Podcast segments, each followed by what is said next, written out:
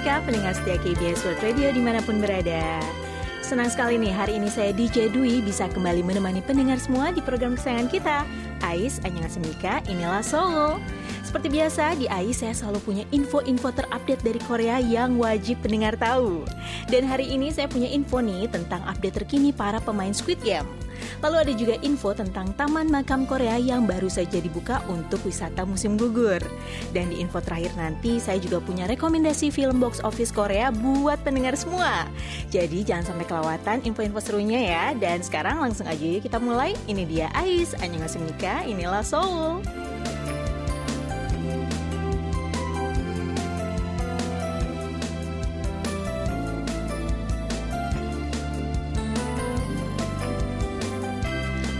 Apalagi yang ditunggu-tunggu di bulan Oktober kalau bukan musim gugur dan Busan International Film Festival.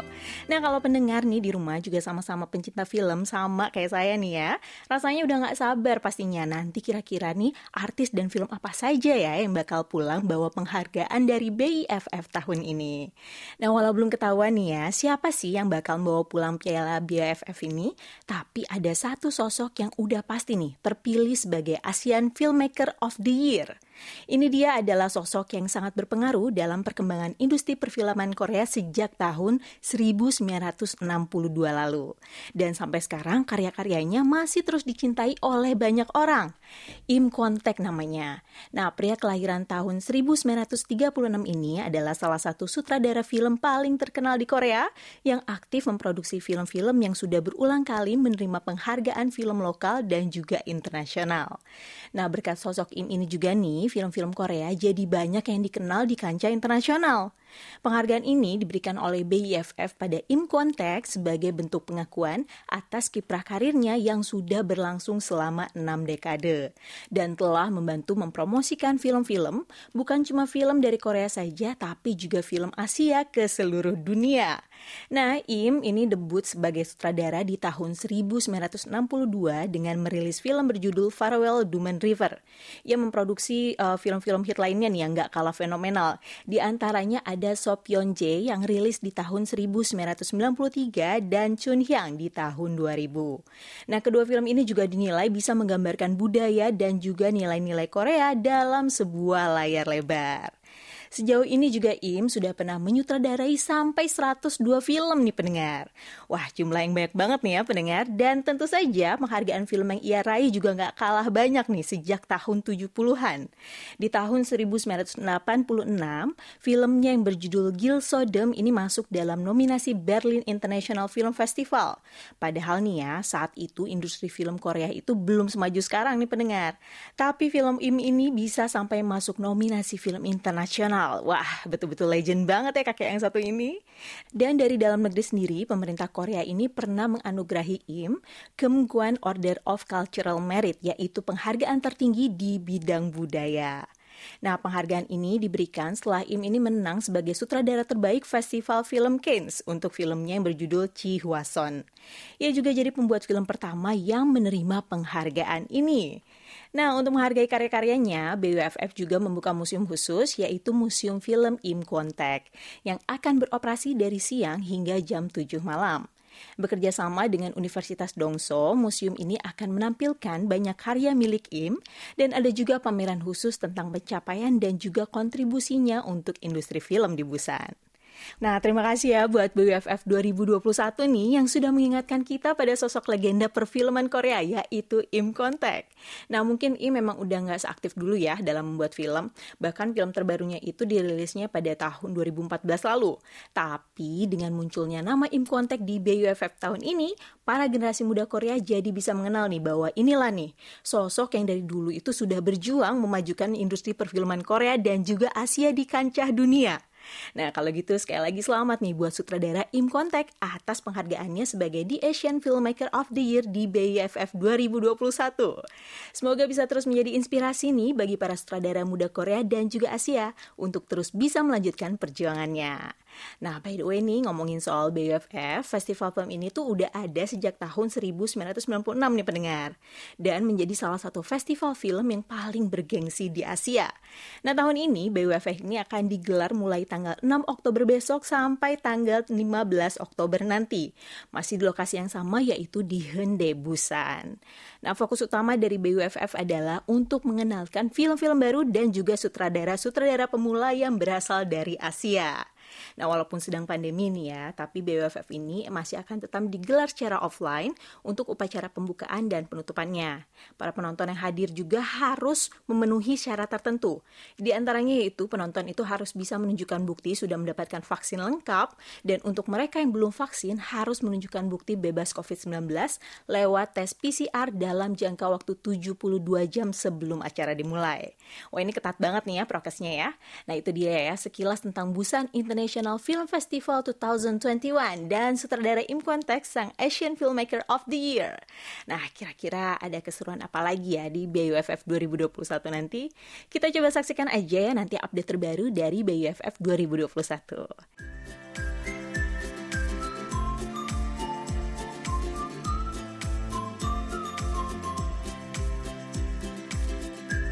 Empat hari lagi menuju peringatan Hari Hangul 2021.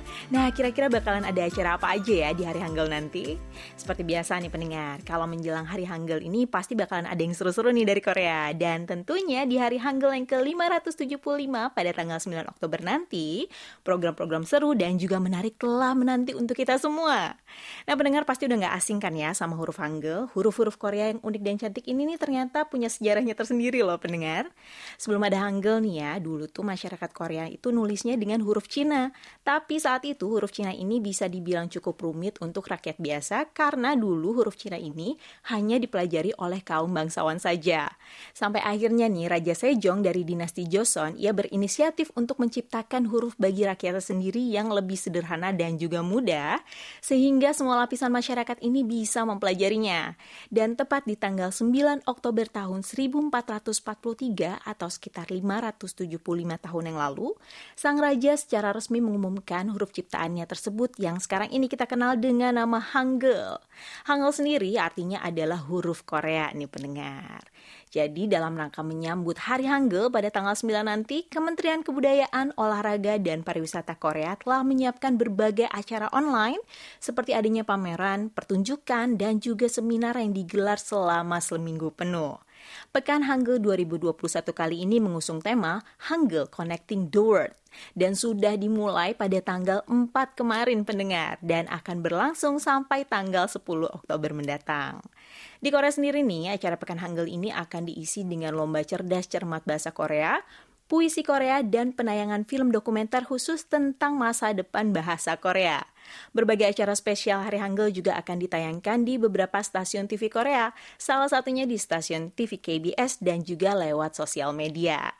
Sementara nih, di luar negeri, peringatan Hari Hangul juga diadakan di pusat-pusat kebudayaan Korea dan Institut Raja Sejong yang ada di berbagai negara. Misalnya nih di Pusat Kebudayaan Korea di Prancis, mereka akan menggelar sebuah pameran khusus desain Hangul, transformasi Hangul, yang bekerja sama dengan Museum Nasional Hangul. Sementara Pusat Kebudayaan Korea di Los Angeles, Amerika, ini akan mengadakan sesi pertunjukan dan pelatihan kaligrafi Hangul. Lalu di Jerman nih, Pusat Kebudayaan Koreanya ini bekerja sama dengan YouTuber Jerman untuk memproduksi konten khusus tentang Korea. Lalu bagaimana dengan di Indonesia? Pendengar pasti penasaran kan ya? Nah, kalau dicek nih di webnya Pusat Kebudayaan Korea untuk Indonesia di id.koreanstripculture.org, ini Pusat Kebudayaan Korea di Indonesia punya program-program yang gak kalah menarik nih pendengar. Dan tentunya bisa diikuti oleh pendengar semua yang ada di Indonesia. Dan yang gak mau ketinggalan juga, jangan lewatkan program spesial Hari Hangul bersama radio kesayangan kita, KBS World Radio. Karena tim kami udah nyiapin nih konten spesial dan bakalan ada yang seru-seru untuk pendengar semua di Hari Hangul bersama KBS World Radio nanti. Jadi nih, walaupun gak tinggal langsung di Korea, pendengar di mana pun berada tetap bisa ikut merayakan Hari Hangul bersama-sama. Dan karena acaranya nanti ini kebanyakan tentang Hangul dan juga budaya Korea, jadi cocok banget nih ya buat pendengar yang mau tahu lebih banyak nih tentang budaya Korea, khususnya tentang Hangul dan juga bahasa Korea.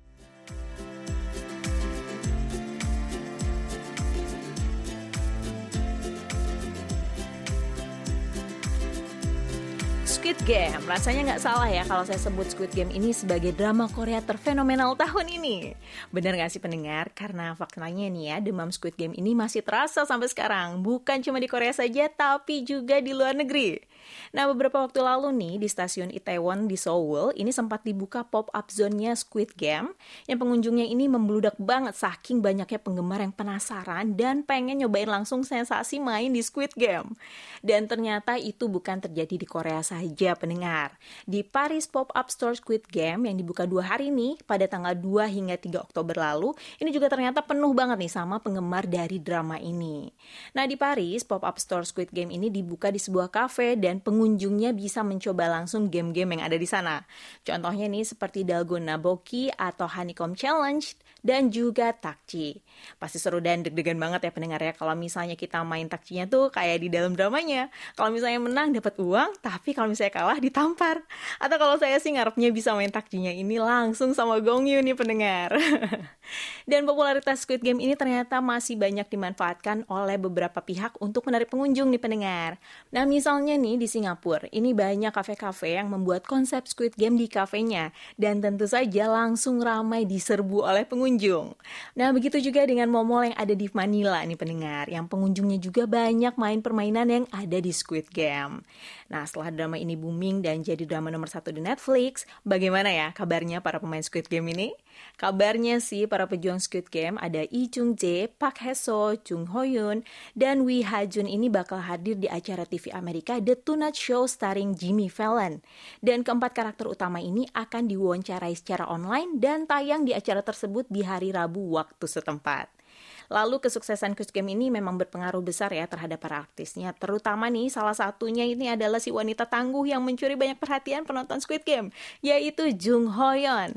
Nah setelah yang muncul di Squid Game nih, follower Instagram artis yang juga seorang model ini langsung naik secara drastis. Sebelumnya nih dari 400 ribu jadi 12,6 juta hanya dalam dua hari saja pendengar. Bahkan nih per hari ini tadi saya cek ya, ini udah mencapai 13,4 juta followers. Lalu hebatnya lagi, ini bisa sampai mengalahkan followersnya artis Song Hye Kyo sebagai artis dengan follower terbanyak kedua di Instagram. Nah, dengan penonton dan juga penggemar yang segitu banyak ya, nggak heran nih kalau misalnya drama ini bisa duduk di posisi puncak Netflix di 83 negara dan mendapat banyak review positif di mancanegara. Bahkan nih di Amerika yang persaingan filmnya itu ketat banget ya, drama ini juga bisa meraih posisi satu daftar Netflix Top 10 TV Show. Hebat banget nih pendengar, hanya dalam waktu sekejap saja ya pendengar ya. Squid Game ini juga ikut mengangkat popularitas dari artis-artisnya, mulai dari popularitas di sosial media sampai masuk ke program TV internasional. Nah, apakah pendengar di rumah ini juga masih merasakan demam Squid Game atau malah udah mulai kepincut nih sama para pemainnya?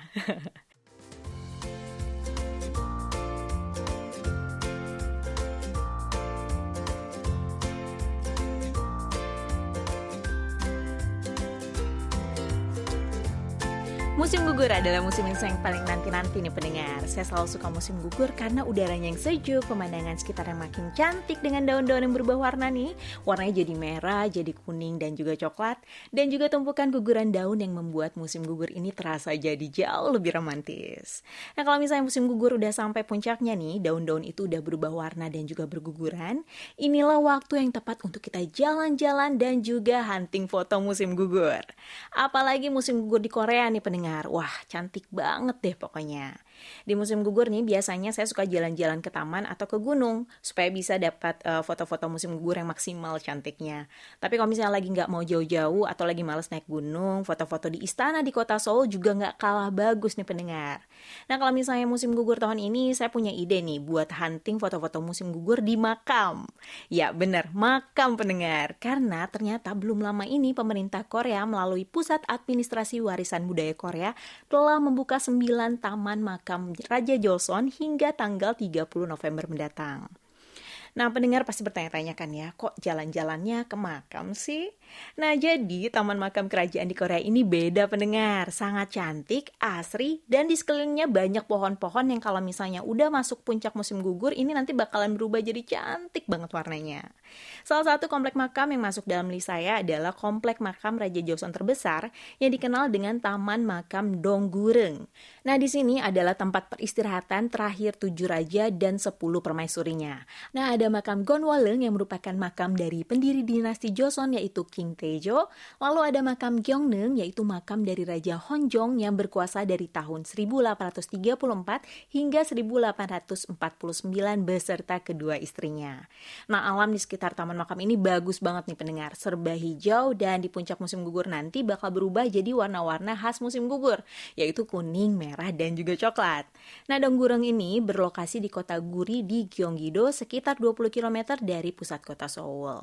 Lalu taman makam ini dibuka mulai jam 9 pagi hingga jam 5 sore nih pendengar. Dan yang terpenting, kalau mau berkunjung ke sini harus jaga jarak, pakai masker, dan patuhi protokol kesehatan.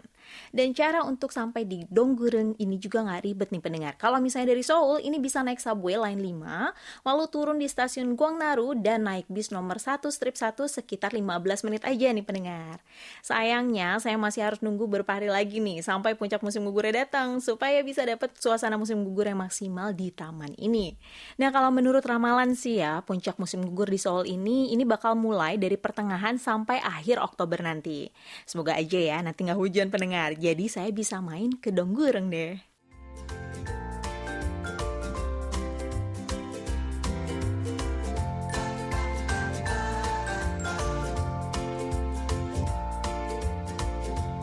Kalau tadi kita udah bahas nih drama Squid Game, sekarang saya mau bahas lagi film karya sutradara Korea lainnya yang gak kalah hits nih pendengar.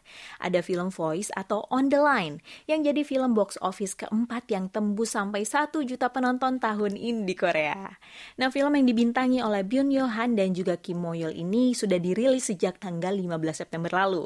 Bergenre action atau crime, On The Line bercerita tentang Sojon yang diperankan oleh Byun Yo Han, ia jadi korban penipuan voice phishing atau penipuan via suara yang membuatnya kehilangan banyak uang. Tak mau tinggal diam, ia pun bekerja keras untuk menemukan kantor utama kelompok voice phishing ini di Cina. Bagaimanakah perjuangan Sojon untuk membalas para kelompok voice phishing ini? Pendengar harus nonton sendiri ya filmnya. Dan film karya sutradara kembar dari Kim Sun dan juga Kim Guk ini berhasil menyusul kesuksesan film box office Korea yang sebelumnya sudah tayang.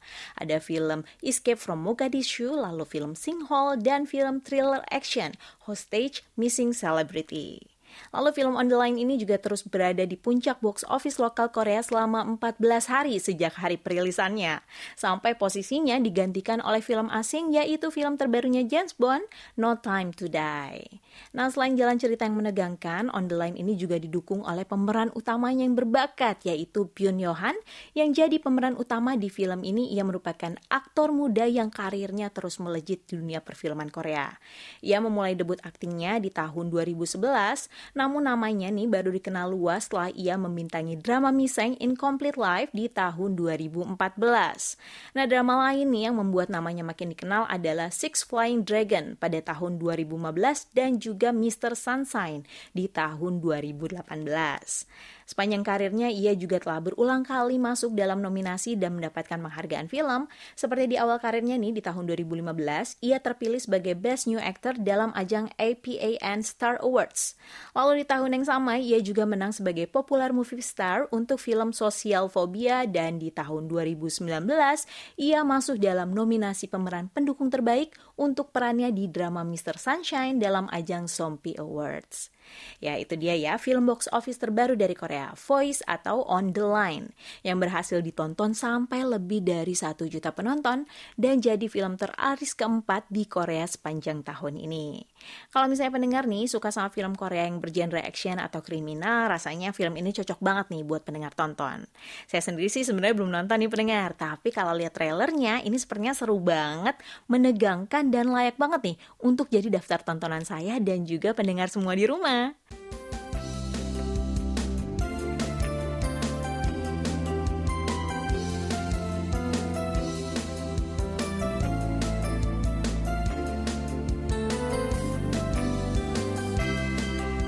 kerasa waktu kebersamaan saya bersama pendengar semua sudah selesai. Sekarang saatnya saya dan pendengar kembali ke aktivitas masing-masing.